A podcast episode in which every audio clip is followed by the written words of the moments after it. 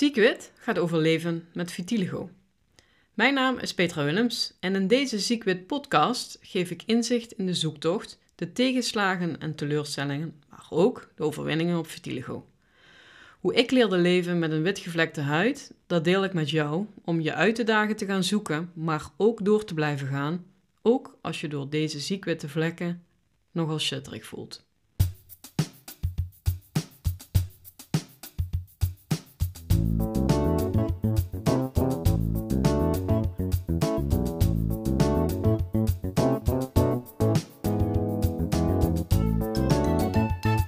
Is jouw Ziekwit podcast, aflevering 8. De ziekwitte puinruimer. Ik weet dat er vele luisteraars zitten te wachten op het volgende antwoord. Dus ik gooi de vraag er meteen in en dat is meteen dus de deelvraag van deze aflevering. Wat kan ik doen om mijn leven met vitiligo positief te veranderen? Toen ik deze vraag aan mijzelf stelde, had ik niet de verwachting dat ik meteen een passend antwoord zou vinden. Ik wist dat het een persoonlijke zoektocht zou zijn. Er was immers zo weinig informatie over vitiligo te vinden. Ik wist dus dat het tijd zou kosten, maar hoeveel? Ja, geen idee. Ik was er wel van overtuigd dat het anders kon, maar wist niet hoe.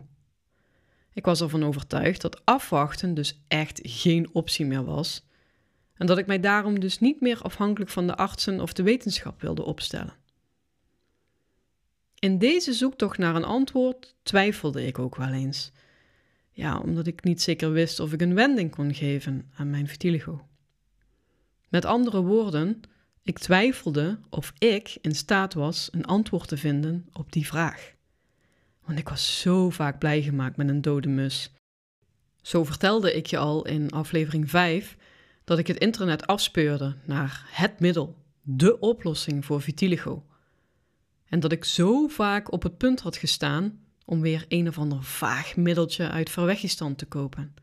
Dat zoeken, ik werd er zo moe van. Maar ik was ook echt moe. Ik voelde me uitgeput en omdat die moeheid aanhield, meldde ik mij in september 2010 bij de huisarts. En ik denk dat dat het startpunt is geweest, of eigenlijk beter gezegd, een keerpunt in mijn leven. De huisarts die stelde voor om bloed te laten prikken, want hij kon niet verklaren waarom ik zo moe was. En hij stelde vast dat ik een B12 tekort zou hebben. Dus we begonnen met het toedienen van B12. En dat gebeurde via een spuit.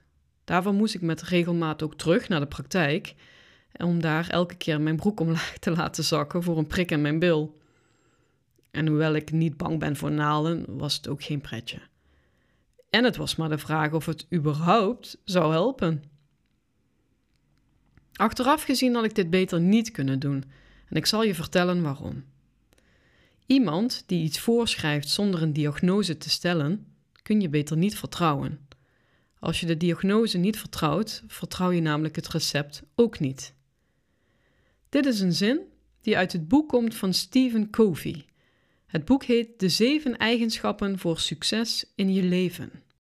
Steven beschrijft in zijn boek een situatie waarin iemand met oogproblemen bij de opticien naar binnen stapt. En die opticien luistert naar deze persoon. En de opticien die besluit zijn eigen bril af te nemen en deze aan de klant te geven, onder het motto: gebruik deze maar, want hij werkt voor mij prima. Die klant is natuurlijk super verbaasd en voelt zich ook helemaal niet serieus genomen. En die stapt dus eigenlijk ontevreden en zonder bril naar buiten. Deze klant is kortom niet geholpen omdat deze een oplossing aangereikt krijgt die totaal niet past bij het probleem. Als ik dit nou toepas op mijn situatie.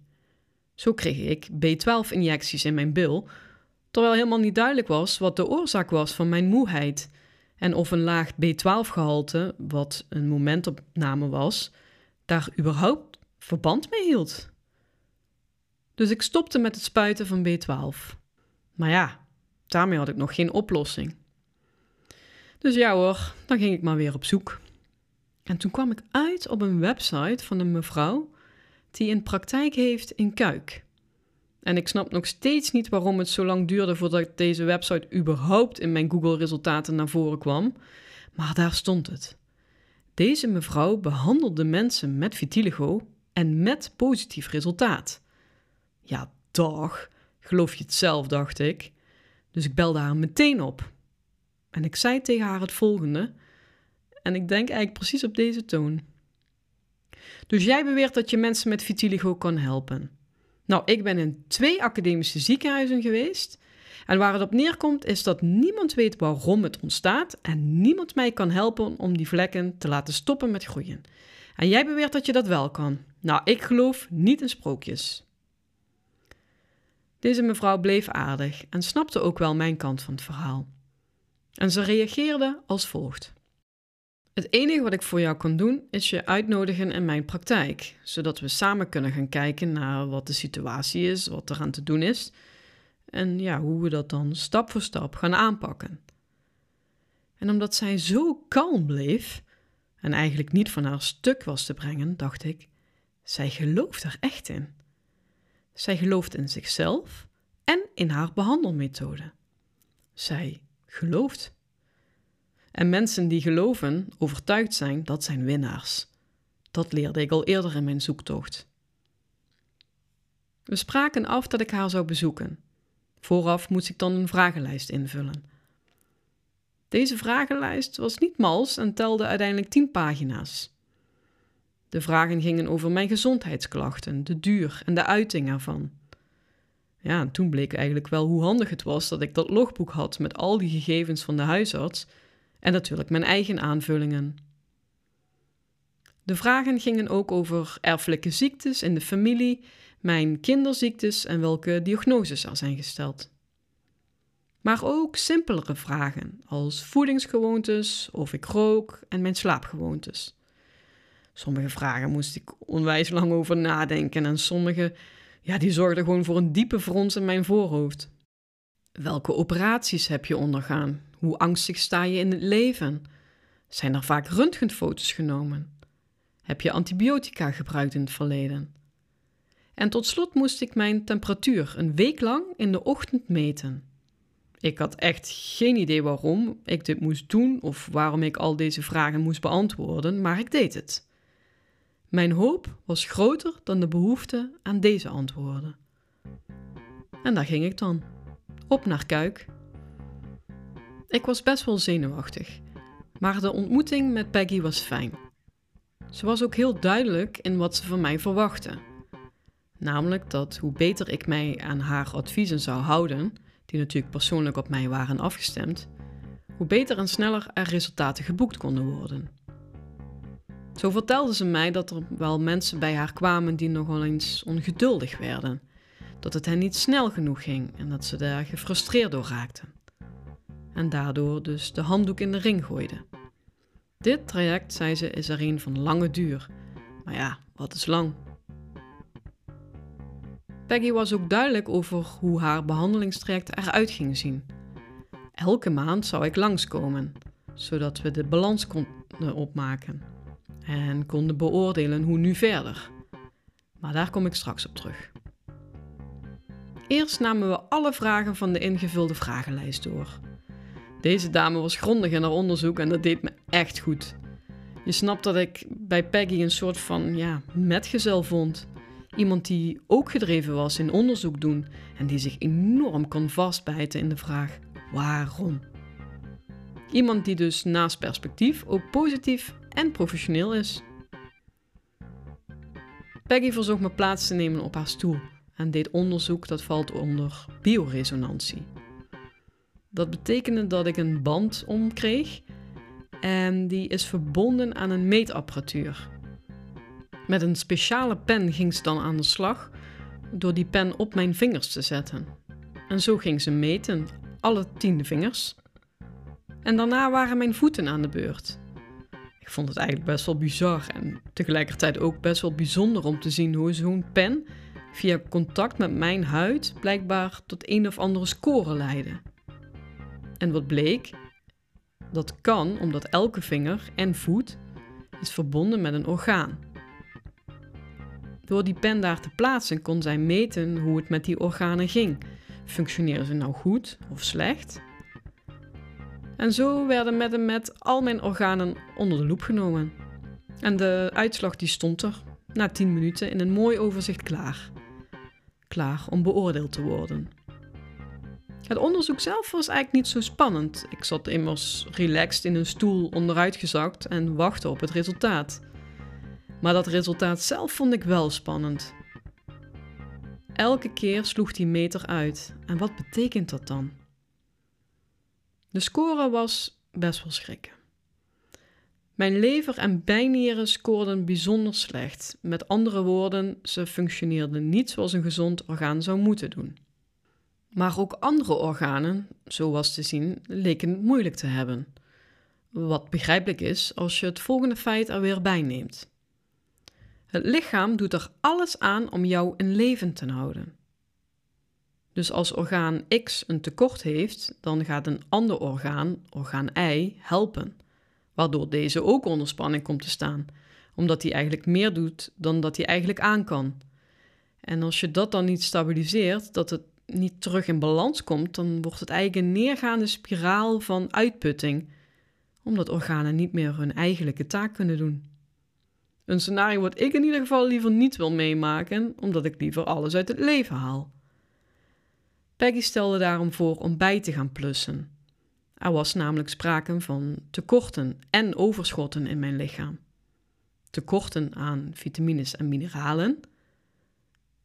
En ze stelde vast dat er overschotten waren van de mate van langdurige stress, waardoor organen uitgeput raakten. Daarmee werd dus eigenlijk pijnlijk zichtbaar dat de stress die ik in die jaren had ervaren heel veel impact op mij hadden gehad. Mijn lijf stond eigenlijk met loeiende sirenes continu om aandacht te vragen. Omdat Peggy inzag dat ik het nodig had om te begrijpen wat er allemaal gaande was, gaf ze me meer tekst en uitleg. En in mijn woorden komt het op het volgende neer. Als een lichaam stress heeft, dan komen er allerlei processen in ons lijf op gang om hiermee om te gaan. En dat proces komt op gang door een orgaan, namelijk de bijnieren. Die bijnieren die maken stoffen aan, zoals hormonen. En twee voorbeelden daarvan zijn adrenaline en cortisol. Waardoor wij mensen weer kunnen functioneren als er zich stressvolle situaties voordoen. Maar dan ga ik er wel dus vanuit dat het lichaam überhaupt in staat is om die stoffen aan te maken, om die stress dus te tackelen. Maar goed, laat ik er even van uitgaan dat het lichaam daartoe in staat is. Dan is het natuurlijk noodzaak dat dit orgaan niet continu moet werken, continu bezig moet zijn om die stress te tackelen. Want iets wat onder continue spanning staat en ja, veel te hard moet werken, heeft dus ook een hele grote kans om uitgeblust te raken, waardoor iets niet goed of helemaal niet meer kan functioneren. Omdat ik dit proces toch wat beter wilde begrijpen, ging ik naast de gesprekken met Peggy ook zelf aanvullende informatie opzoeken. Online op zoek naar meer kennis. En iemand die op een hele heldere manier kan uitleggen hoe het menselijk lichaam functioneert, is Ralf Moorman.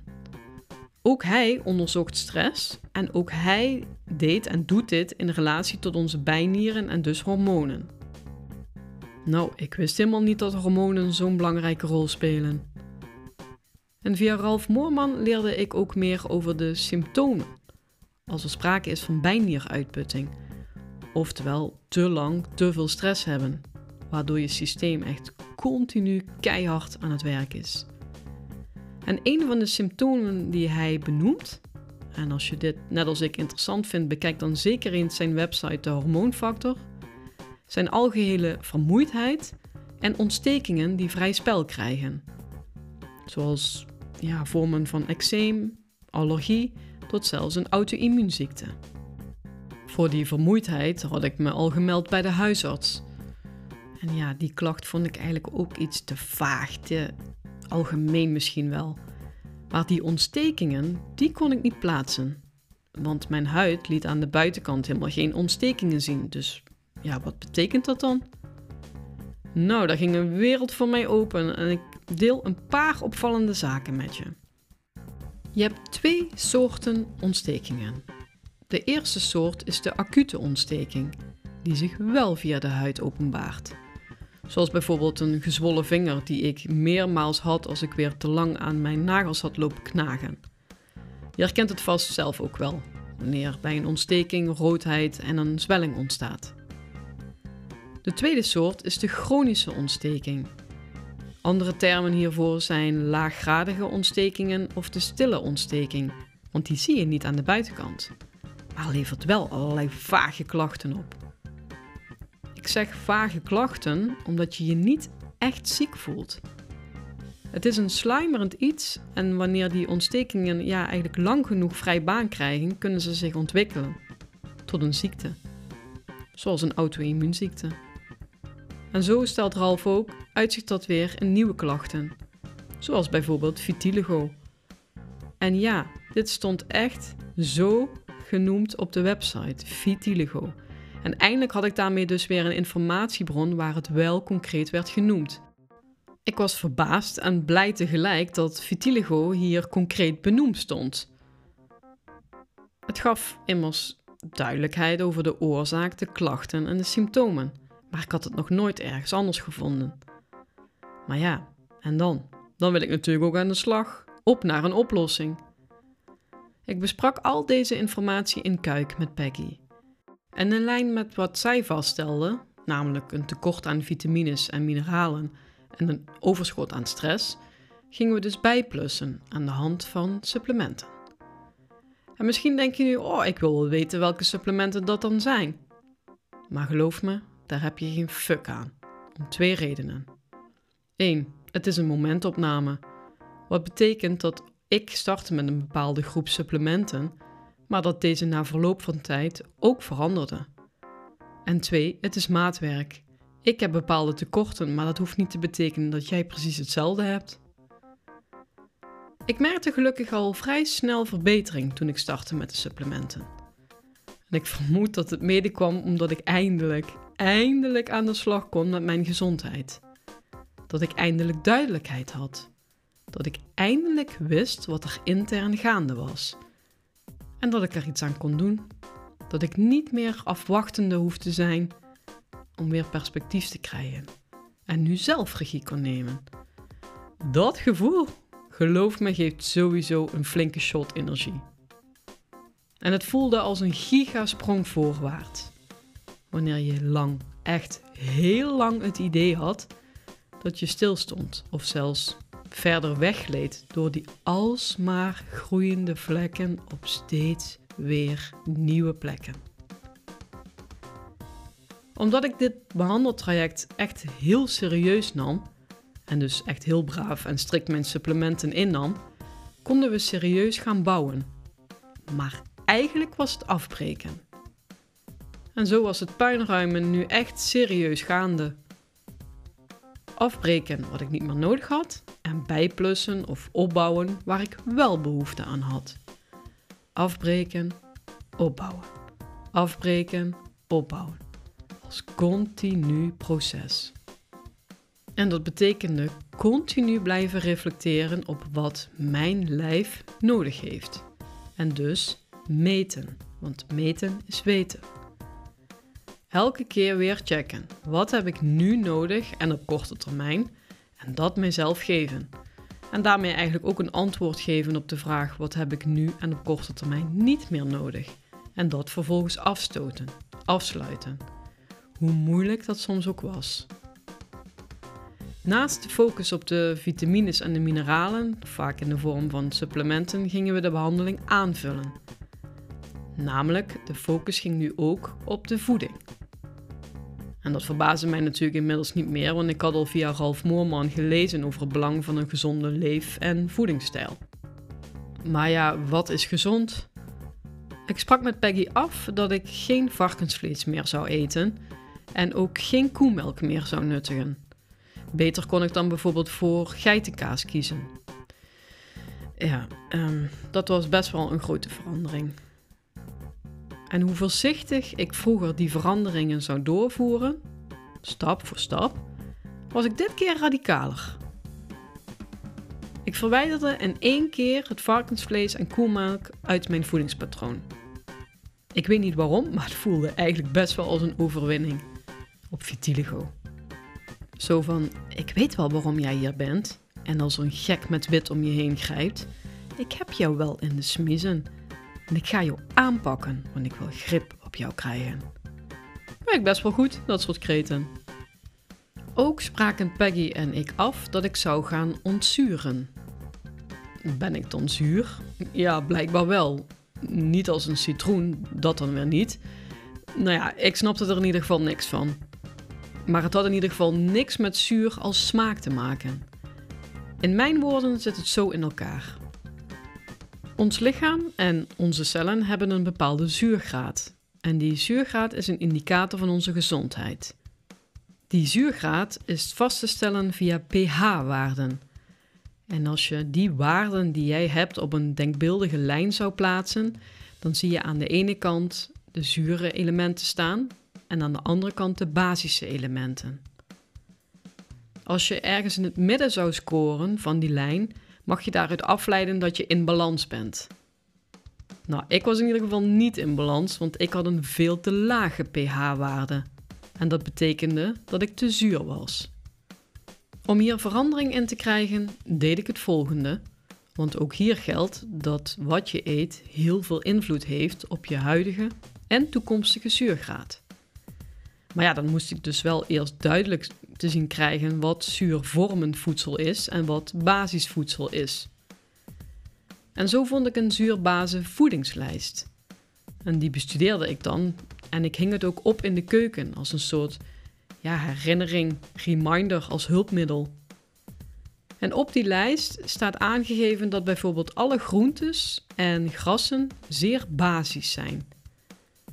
Aan de andere kant ontdekte ik dat bijvoorbeeld tarwe zeer verzurend was. En ja, je raadt het al, ik had weinig groenten en veel tarwe, zoals brood en pasta. En wat ik ook minder leuk vond, was de ontdekking dat alcohol nogal verzurend werkt voor het lichaam.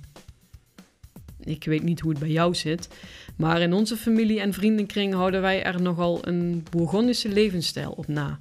Veel brood en ook de nodige wijntjes. En dit was best wel confronterend, want ja, ik wilde werken aan die zuurtegraad. Maar betekent dat ook dat ik dan al die wijntjes moet laten staan? Moest ik dan maar saai aan water gaan lurken? Eten en drinken en ook alcohol is zeker ingebed in onze cultuur.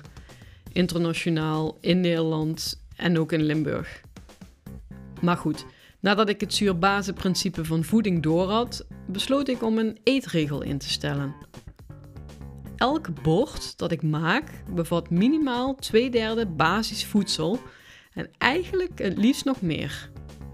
Ik wilde het liefst uit die zure hoek blijven. En dat betekent dus heel veel basisvoedsel eten. Dus mijn bord was altijd gevuld met veel groenten en in plaats van dat ik alcohol dronk, dronk ik water. Punt. Ik was hier echt heel streng in. Maar bijkomstig voordeel was dat ik elke maaltijd veel bewuster ging maken en ook nuttigen. Niet dat ik daar altijd zin in had, want ja, dat kost ook tijd om zaken uit te zoeken. Het kost ook tijd om naar de winkel te gaan en nieuwe voedingsmiddelen uit te zoeken. Het kost ook tijd om een nieuwe maaltijd te bedenken en in elkaar te flansen in plaats van de oven aan te zetten en naar een pizza in te gooien.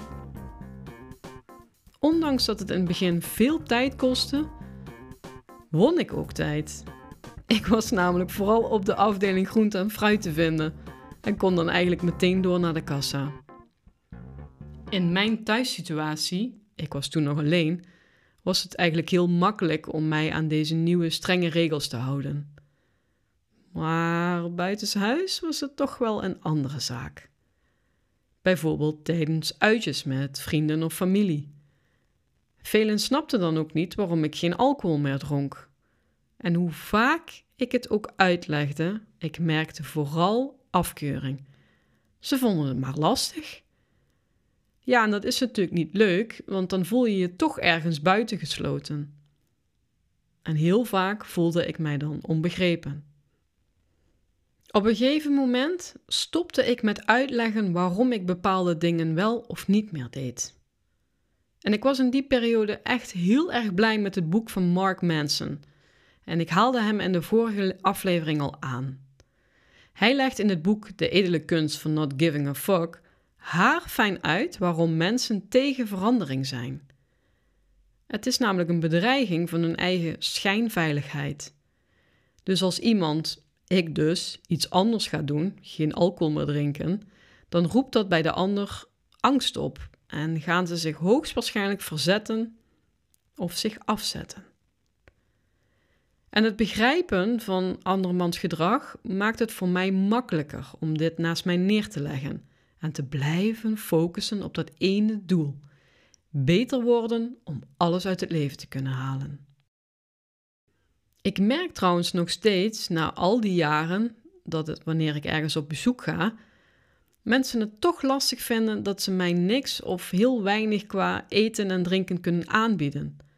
Kijk, ik ben gewoon blij met een kopje thee. Maar de ander vindt dat vaak niet goed genoeg. Er moet nog iets bij. En natuurlijk is het super fijn en attent dat anderen mij willen verwennen. Begrijp me goed. Maar het feit dat ik dan nee zeg, betekent dus ook dat zij mij niks kunnen geven. En dat blijft toch moeilijk voor ze. De mens geeft namelijk liever dan dat we ontvangen. Zo leert de psychologie ons. Wat ik ook uit de psychologie leerde, is dat elke gedragswijziging visueel is weer te geven als een spoor. Probeer je het volgende voor te stellen. Er staat paard en wagen klaar en die beweegt van jouw huis naar het einde van de straat en dezelfde route weer terug. Het paard trekt die wagen steeds precies hetzelfde over dat pad heen en weer. Dat pad wordt natuurlijk op een gegeven moment een diep spoor, omdat het elke dag deze overtocht maakt. En dit spoor is eigenlijk een weergave van gedrag dat wij vertonen. Zoals bijvoorbeeld elke dag een boterham met zoet beleg eten. Consequent, elke dag. En als die persoon dan zijn of haar voedingspatroon wil wijzigen, dus bijvoorbeeld de overstap maakt naar een boterham met avocado, start je dus een nieuw pad. En dat nieuwe pad ligt heel dicht tegen dat oude pad aan. Zo dicht dat paardenwagens, soms heel onbedoeld natuurlijk, in dat oude spoor terechtkomen. En dan moet dat paard heel hard werken om uit dat oude, maar vooral diepe spoor te komen en weer terug op dat nieuwe pad te komen en daar te blijven. Dat paard, dat ben jij of ik natuurlijk. En ik merkte dat ik soms de neiging had om toch weer alcohol te willen gaan nuttigen. Omdat ik het zo gewend was. En ook vanuit de gedachte, ah, het is maar één glaasje. En dan komt het aan op karakter, ofwel assertiviteit en doorzettingsvermogen. Op die momenten word je getest hoe belangrijk dat ene doel voor jou is. Laat je dat doel los en ga je voor korte termijn bevrediging? Of houd je focus en kies je voor jezelf en zeg je nee en doe je het dus niet? Sommigen zeiden tegen mij: Joh, Petra, doe niet zo streng. Is toch geen leven zo? Of jawel, daar is mijn favoriet weer. Doe niet zo moeilijk. Nee, doe jij niet zo makkelijk. Laat mij nou maar gewoon mijn ding doen en doe jij vooral jouw ding. Ik ga toch ook niet bij elk stuk fly dat jij naar binnen schuift zeggen: Ja, zou je dat wel doen? Weet je wel hoe verzurend dat dat is? Dus mocht je, beste luisteraar, hiermee aan de slag gaan, besef dan het volgende.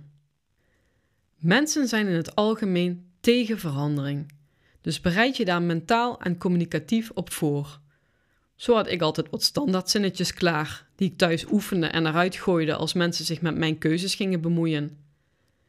Mijn advies? Ben soms maar gewoon lekker bot en zeg maar gewoon waar het op staat. Dat recht heb je.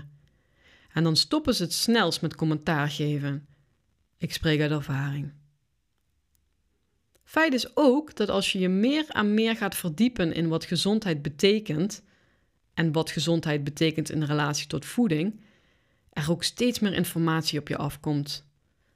Net zoals je opeens allemaal rode auto's ziet op het moment dat jij besloot een nieuwe, jawel, rode auto te kopen.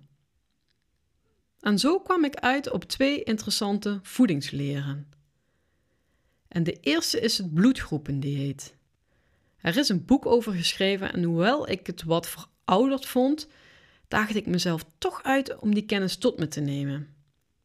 Nu wist ik niet eens welke bloedgroep ik had, wat trouwens best handig is om te weten, maar ik kwam erachter dat het bloedgroependieet eigenlijk stelt dat jouw bloedgroep bepaalt wat je wel en niet mag eten. En voor wie het wil weten, nee, dit dieet is niet wetenschappelijk onderbouwd en toch vond ik er wat interessante aanknopingspunten. Ik heb bloedgroep A. Mensen met deze bloedgroep zouden moeite kunnen hebben met het verteren van vlees en met zuivelproducten. Oh, ik had geen idee of dat bij mij het geval was. Dus ging ik een voedsellogboek bijhouden wat ik at en wat me dan opviel.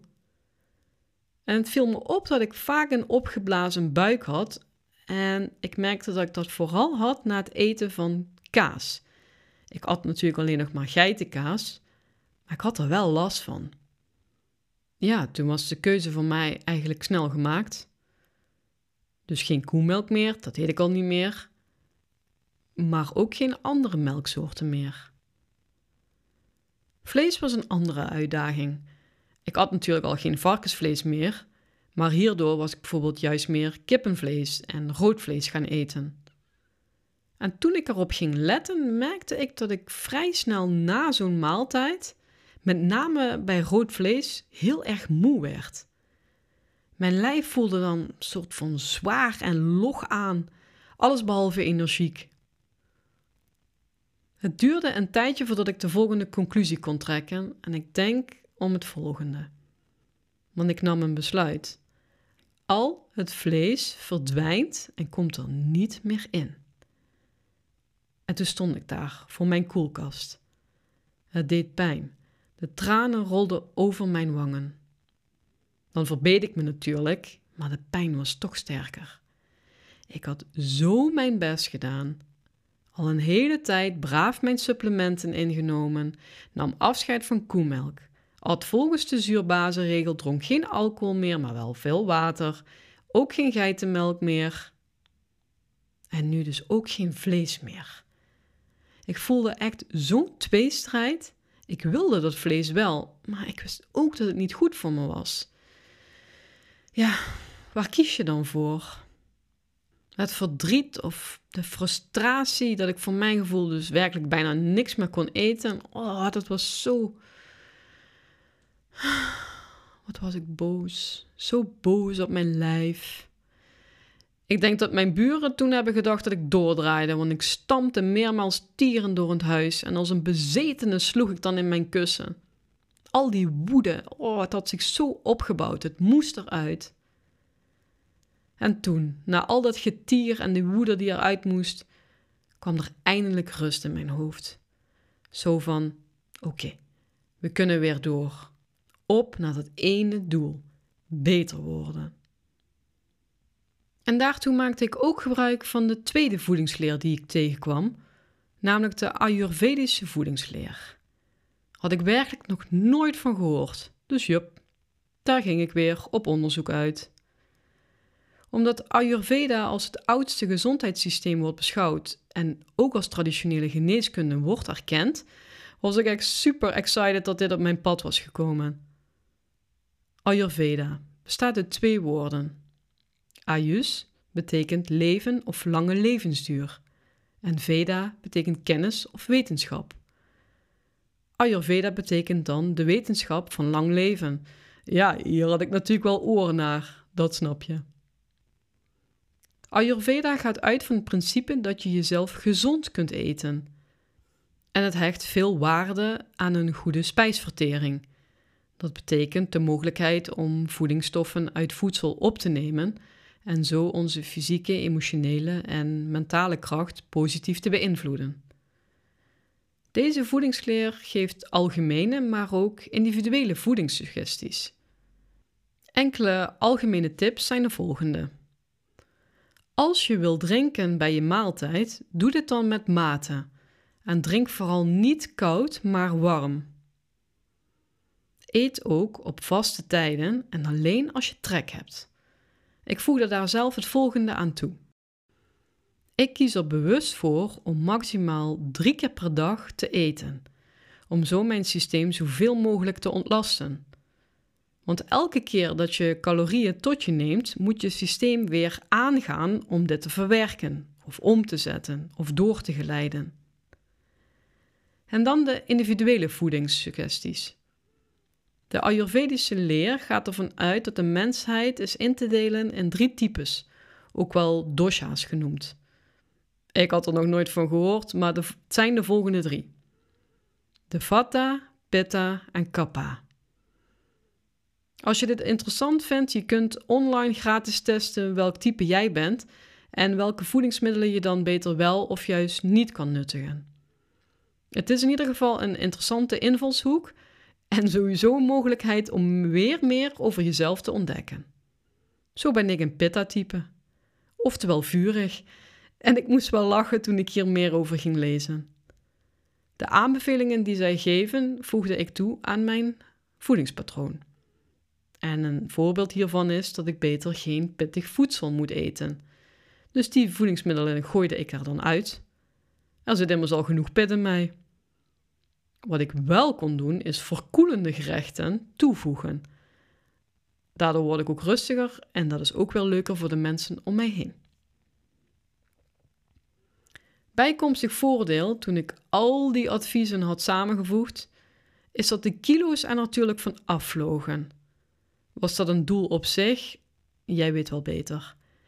Maar ik voelde me wel letterlijk en figuurlijk lichter. Ik voelde me zoveel beter, zoveel energieker. En natuurlijk hoopte ik dan dat ik op een dag weer gekleurd zou rondlopen. Dat ik een fijne, egale huid zou hebben. Dat er geen vlek meer te zien zou zijn. Ziek wit helemaal verbannen. Maar daar vertel ik je meer over in de volgende aflevering. En daarmee komen we ook aan het einde van deze aflevering, maar natuurlijk niet voordat ik het antwoord heb gegeven op de deelvraag. Wat kan ik doen om mijn leven met vitiligo positief te veranderen? En mijn conclusie is als volgt. Wat ik zelf kan doen, onafhankelijk van wie dan ook, is onderzoeken waar ik mij dagelijks mee voed en dat gewoon objectief vaststellen. En ook objectief vaststellen of die voeding helpend of helend voor mij is. Want waar ik mij mee voed is ontzettend bepalend voor hoe ik mij voel, van binnen en van buiten. Namelijk wel of niet gezond. En misschien denk jij nu wel: ja, ik wil dat eigenlijk ook wel ontdekken. Ik wil mijzelf ook beter leren kennen. Maar ik heb geen idee waar ik moet beginnen. Wat je altijd kan doen, is deze aflevering nog een keer opnieuw beluisteren. Maar ik geef je ook graag tot slot nog de volgende quote mee, die je hopelijk kan uitdagen en vooruit kan helpen. Besef, te midden van elke puinhoop, hoe groot deze ook is of lijkt, is altijd een structuur te vinden die je verder kan helpen en antwoord geeft op jouw vragen. Dankjewel voor het luisteren naar deze aflevering. En bij vragen over puinruimen, laat het me zeker weten. En dan denkt deze ziekwitte puinruimer graag met je mee. Volgende week zondag, aflevering 9, kleuren bekennen en de repigmentatie van de huid.